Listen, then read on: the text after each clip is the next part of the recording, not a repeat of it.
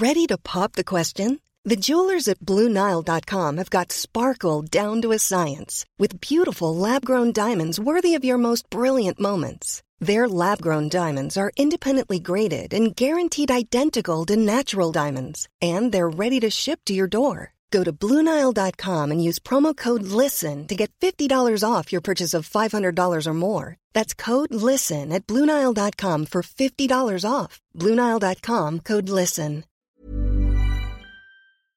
Halo pendengar GGM Podcast, baik lagi bersama kita berdua dan sekali lagi kita ucapkan selamat menjalankan hari untuk fans MU yang berbahagia karena kita mendapatkan kemenangan kedua di season yang baru. Jadi kemenangan away pertama ya uh, di bawah Ten Hag ya setelah sebelumnya kita menang lawan Liverpool di home dan akhirnya Ten Hag merasakan bagaimana kemenangan manis uh, di kandang Saint Mary ya di Southampton dan banyak hal yang bisa kita bahas. Tapi kita mulai dari line up dan kita paham tidak ada yang berubah dari A depan sampai dengan belakang menggunakan strategi yang sama. Gue mau nanya ke Alvin, ini pure karena tactical lawan yang bisa dibilang agak mirip atau memang Ten Hag sudah menemukan formasi ideal? Hmm, sebenarnya karena menurut gue nggak ada pemain lain sih yang bisa dimainin sih.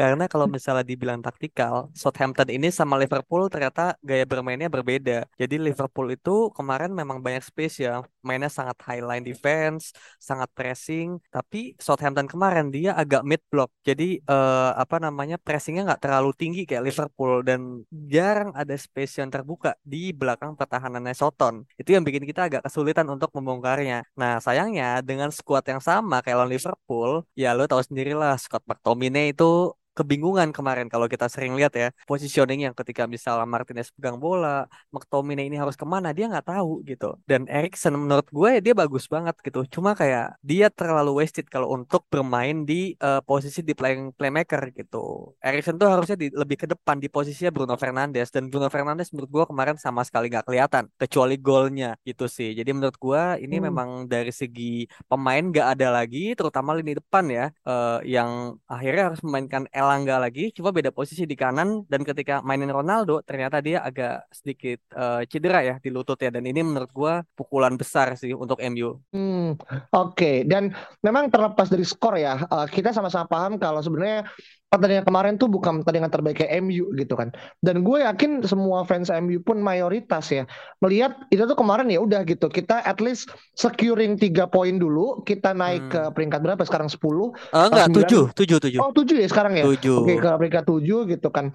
At least mengejar ketertinggalan, tapi masa permainan itu hal yang berbeda gitu kan. Dan kita mulai dari terkait dengan formasi. Sebenarnya gue pengen melihat Casemiro dimainkan dari awal dan juga Anthony Martial yang akhirnya tampil cukup prima di uh, pertandingan Liverpool. Sayangnya dua-duanya uh, belum terjadi. Satu karena memang Casemiro yang mungkin lebih kepada supaya mendapatkan ritme ketika yang pertandingan sudah uh, mulai masuk dalam cunnya MU dan Anthony Martial harus sekali lagi menepi karena cedera ligamen ya yang diterima ketika uh, latihan. Nah menurut gue ini tamparan yang seharusnya memang sudah menjadi warning buat MU karena notabene sekarang ya kita nggak punya striker lain selain akhir Ronaldo ya yang bisa dijadikan semacam uh, apa rujukan gitu. Dan lo menilai penampilan Rashford yang kemungkinan besar kalau kita nggak mendatangkan striker baru ya Vin di musim ini hmm, maka hmm. kita akan sering melihat Rashford main di depan Aduh, gitu. Uh. nah lo melihatnya seperti apa kemarin dari sisi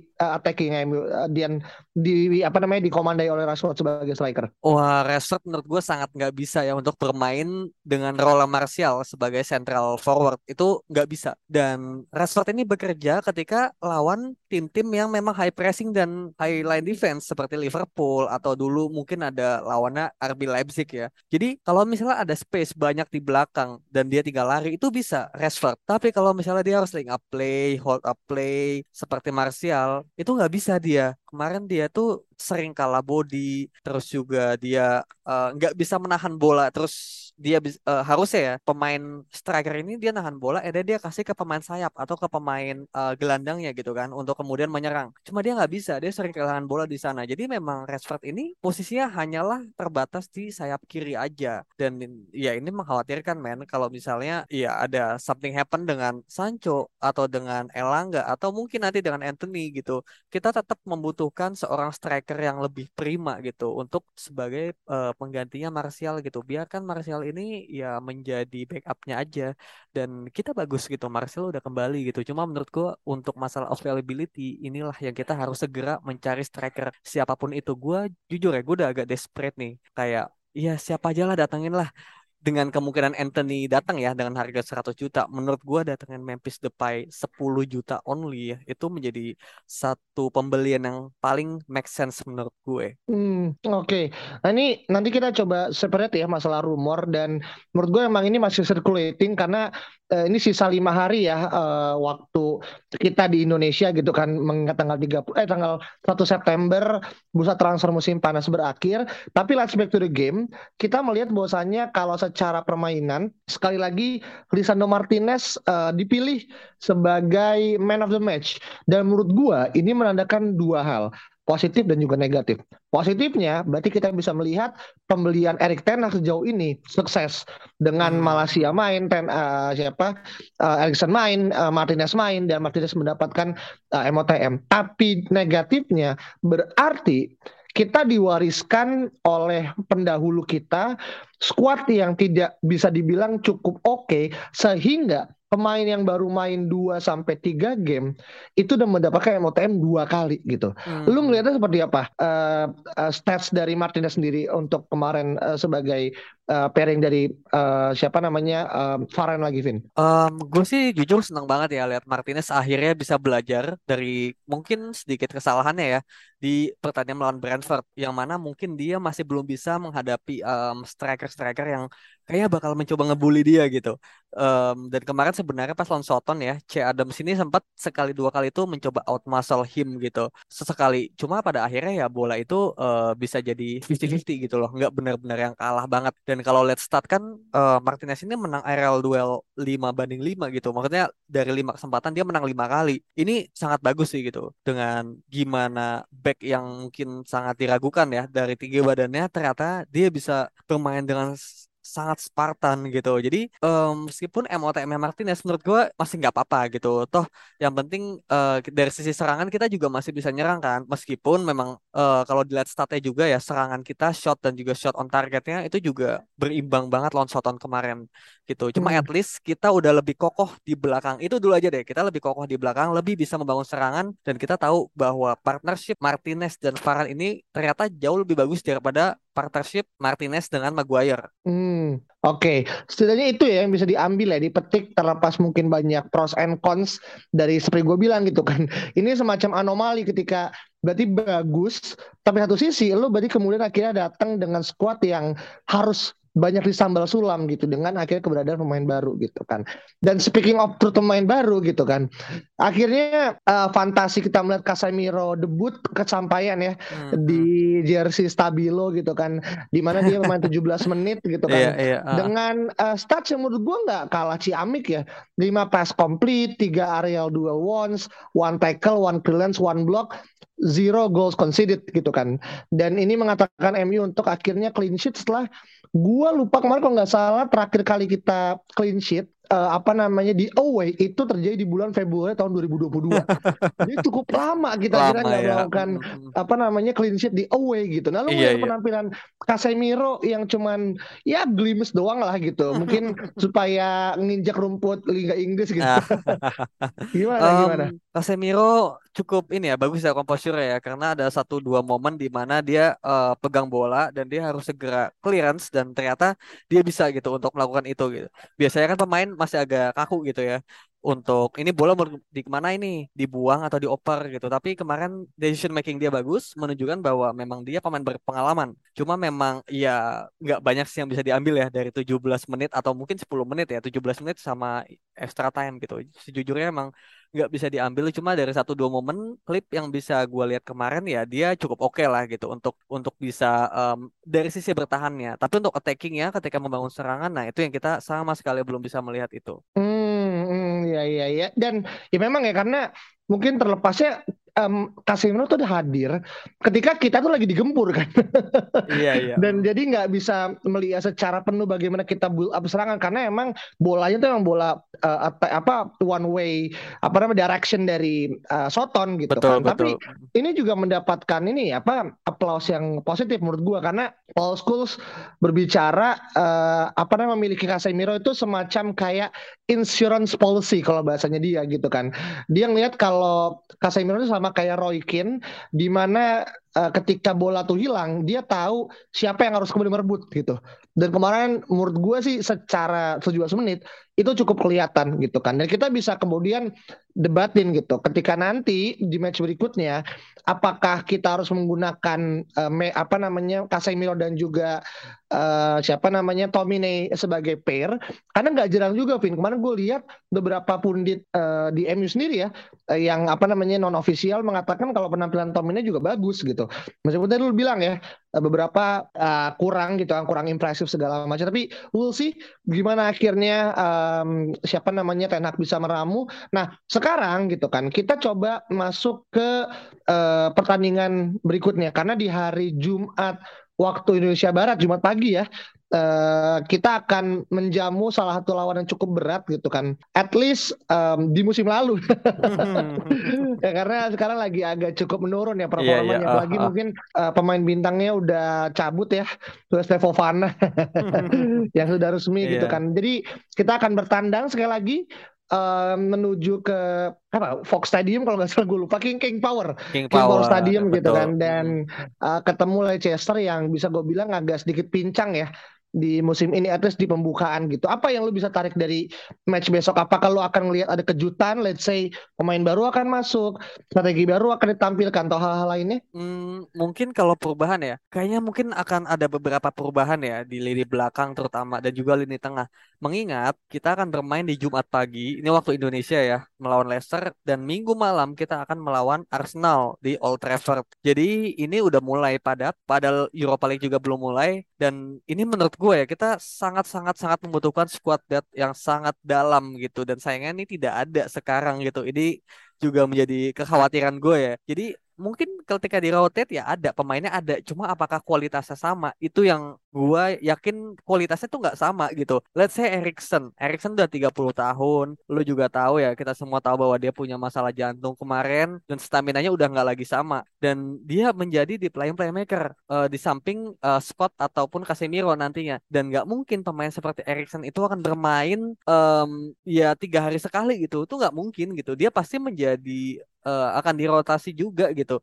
Dan seperti um, prediksi kita kan dulu di awal bahwa Erikson ini kan sebenarnya diplot untuk sebagai rotational player ketika Bruno cedera. Tapi dengan gagapnya Manchester United di bursa transfer ini membuat kita tuh ternyata belum dapat gelandang juga gitu loh. Ya Casemiro itu another profile ya. Dia untuk defensive midfield yang sifatnya destroyer. Tapi yang untuk uh, membangun serangan dari belakang kita tuh belum ada gitu yang literally proper untuk bermain week in week out secara konsisten itu nggak ada gitu loh. Ini yang gue kesel dari dulu.